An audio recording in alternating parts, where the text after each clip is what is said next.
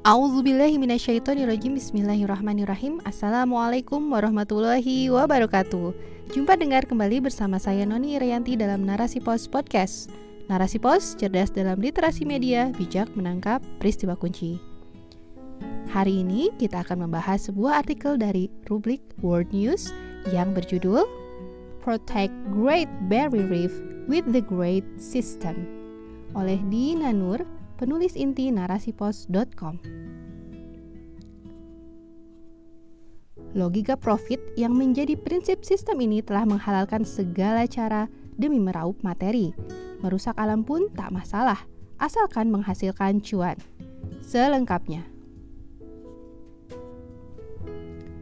Untuk pertama kalinya dalam sejarah, Australia menolak pembangunan tambang demi melindungi temburu karang pemerintah Australia memblokir pembukaan sebuah tambang batu bara dengan undang-undang lingkungan. Hal ini patut diapresiasi. Benarkah tujuan penolakan tersebut demi menjaga lingkungan? Bisakah undang-undang atau kebijakan yang ada selama ini melindungi lingkungan dari ancaman kerusakan? Bagaimana ikhtiar Islam dalam memelihara kelestarian lingkungan?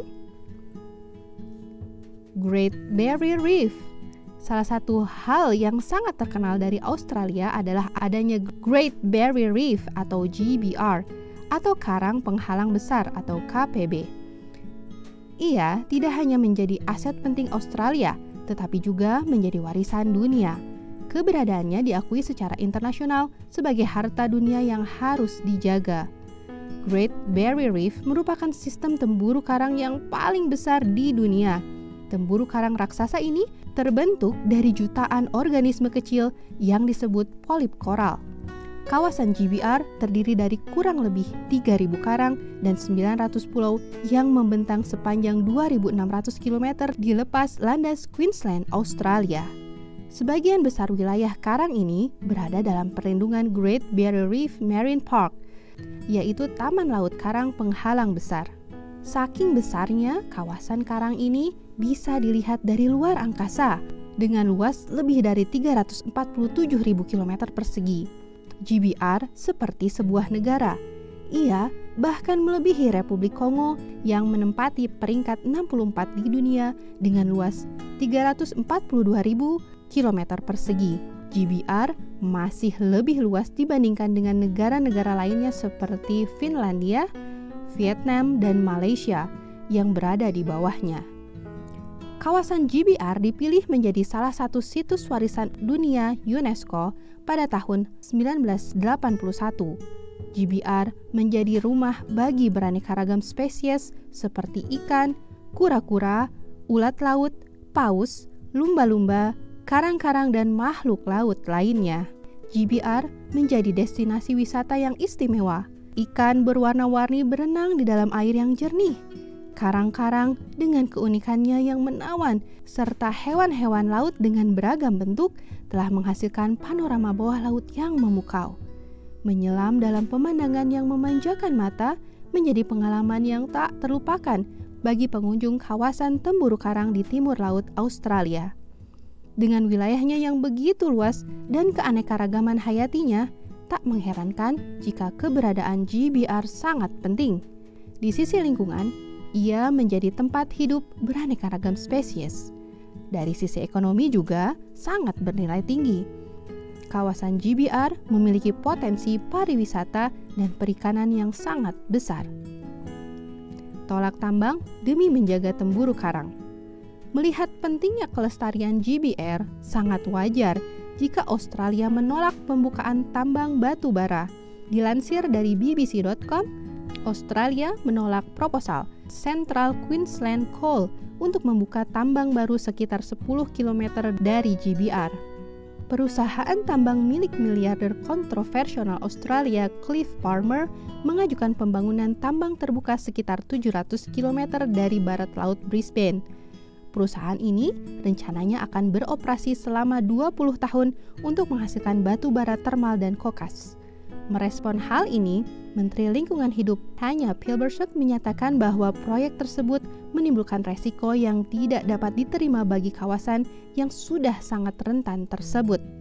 Pemerintah negara bagian Queensland sebelumnya telah menolak proposal tersebut dengan alasan resiko lingkungan yang signifikan. Departemen Lingkungan Hidup juga telah menemukan bahwa sedimen dan limbah dari tambang terbuka kemungkinan akan merusak temburu karang dan sumber daya air setempat. Dampak buruk aktivitas tambang pada lingkungan sekitar pasti akan terjadi. Terlalu besar resiko yang akan ditanggung jika GBR mengalami kerusakan kerusakannya akan memberi dampak yang luar biasa bagi makhluk hidup yang ada di dalamnya maupun lingkungan sekitar. Pemutihan massal GBR sendiri telah mengalami pemutihan karang secara massal pada enam tahun terakhir karena peningkatan suhu laut. Hal ini bisa berprospek sangat buruk ke depannya. Perubahan iklim dan pemanasan global telah menyebabkan terjadinya pemutihan massal pada kawasan GBR Temburu karang bisa pulih jika kondisi normal kembali, tetapi itu memakan waktu puluhan tahun. Pemutihan massal terjadi ketika karang di bawah tekanan untuk mengusir alga. Polip-polip tidak lagi bersimbiosis dengan ganggang.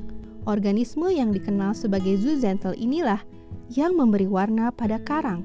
Tidak ada ganggang mengakibatkan terumbu menjadi putih. Lambat laun, karang bisa mati.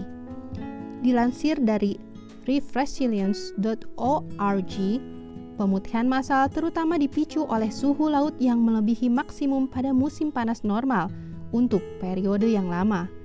Frekuensi dan tingkat keparahan pemutihan massal telah meningkat selama beberapa dekade terakhir dan menyebabkan degradasi temburu pada skala global.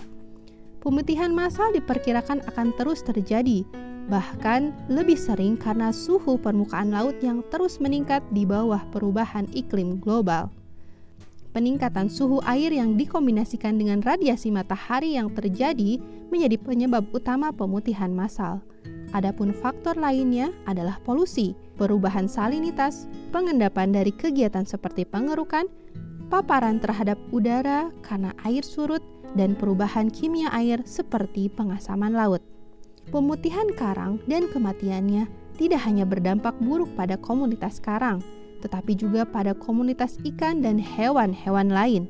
Mata pencaharian manusia dari perikanan pun terdampak, sehingga berpengaruh pada turunnya penghasilan dan kesejahteraan. Reef Resilience Network mengemukakan bahwa pemutihan massal memberi dampak secara ekologi. Di antaranya adalah tingkat pertumbuhan kapasitas reproduksi berkurang – meningkatnya kerentanan terhadap penyakit memengaruhi kehidupan binatang-binatang yang berlindung dan mencari makan di karang, dan berkurangnya organisme laut karena mati. Adapun dampak coral bleaching secara sosial ekonomi adalah yang pertama, hilangnya pelindung pantai dari ombak. Yang kedua, berkurangnya hasil tangkapan nelayan. Yang ketiga, hilangnya potensi pariwisata. Dan yang terakhir, berkurangnya sumber senyawa farmasi yang berharga karena terumbu karang menjadi sumber daya obat yang penting. Kerakusan merusak lingkungan. Kerusakan lingkungan seperti pemutihan karang di GBR merupakan ulah manusia. Inilah hasil penerapan kapitalisme. Sistem yang berorientasi materi ini sangat rakus. Produksi dilakukan sebanyak-banyaknya bahkan tanpa batas. Selama mendatangkan keuntungan, maka produksi akan terus digenjot. Logika profit yang menjadi prinsip sistem ini telah menghalalkan segala cara demi meraup materi. Merusak alam pun tak masalah, asalkan menghasilkan cuan.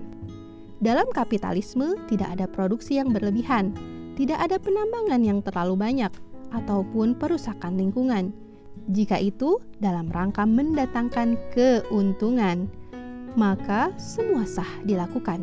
Mirisnya, yang menikmati keuntungan adalah segelintir elit kapitalis. Sumber daya alam yang melimpah dikeruk habis-habisan ternyata bukan untuk kesejahteraan rakyat, namun untuk memperkaya para konglomerat serakah. Rakyat hanya mendapatkan ampas-ampasnya. Rakyat juga menanggung limbah dan rusaknya lingkungan akibat pembangunan yang kapitalistik. Hal ini dilegalkan dengan undang-undang yang dibuat oleh oligarki. Sekelompok kecil penguasa ini menguasai seluruh kekayaan alam negeri untuk kepentingan sendiri. Mereka membuat berbagai kebijakan dan aturan yang menguntungkan kelompoknya. Dengan kekuasaannya, segelintir elit ini berbuat sesukanya, tak pedulikan alam, manusia, bahkan aturan agama. Hanya profit yang menjadi satu-satunya tujuan. Inilah tabiat penguasa dalam sistem kapitalisme sekuler. Jadi, mungkinkah berharap pada sistem serakah ini untuk benar-benar menjaga kelestarian lingkungan? alam terjaga dengan Islam. Islam adalah agama yang membawa kebaikan bagi seluruh alam semesta. Dengan aturan yang lengkap dalam kehidupan, Islam memandu manusia menjalankan hidupnya, termasuk juga dalam menjaga eksistensi umat manusia dan lingkungan.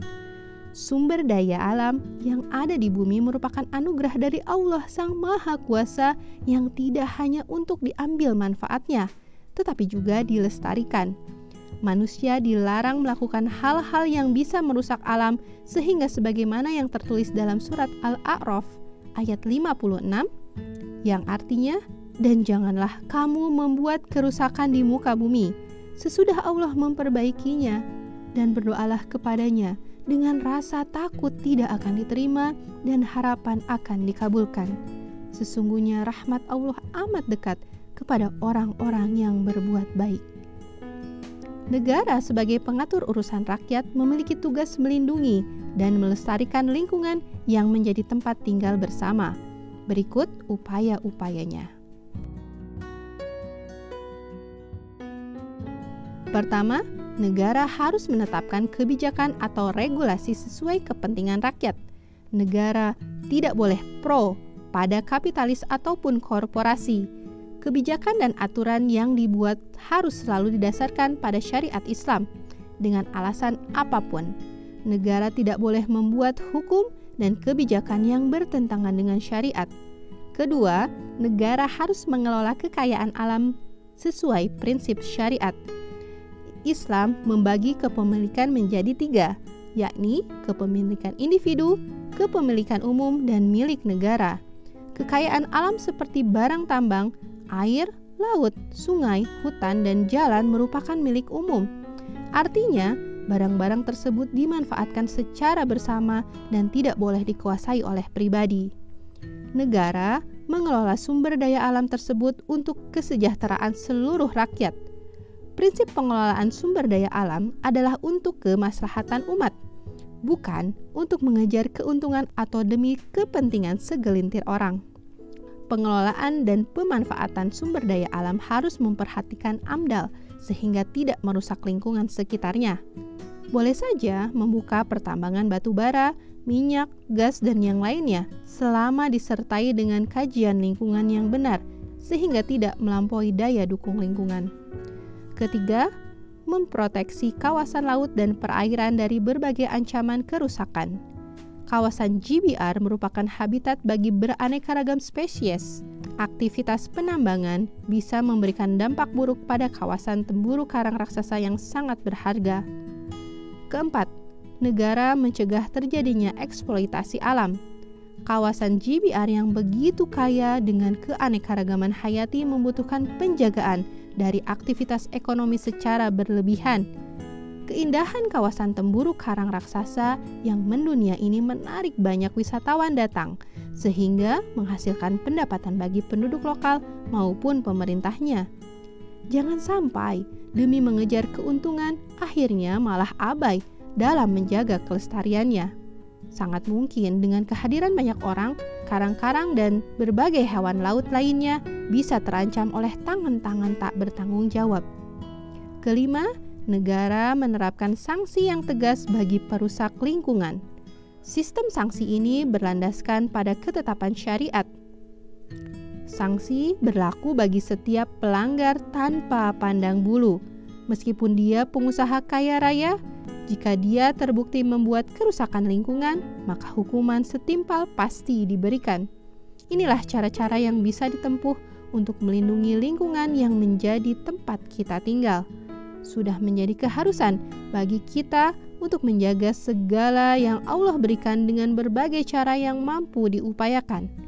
Inilah bukti syukur kita sebagai hambanya dan sekaligus upaya untuk mendapatkan ridho dan keberkahan dari Allah Ta'ala. Khotimah Great Barrier Reef merupakan bagian dari lingkungan alam yang telah diciptakan oleh Allah Subhanahu wa taala. Manusia tidak hanya boleh menikmatinya, tetapi juga wajib menjaganya.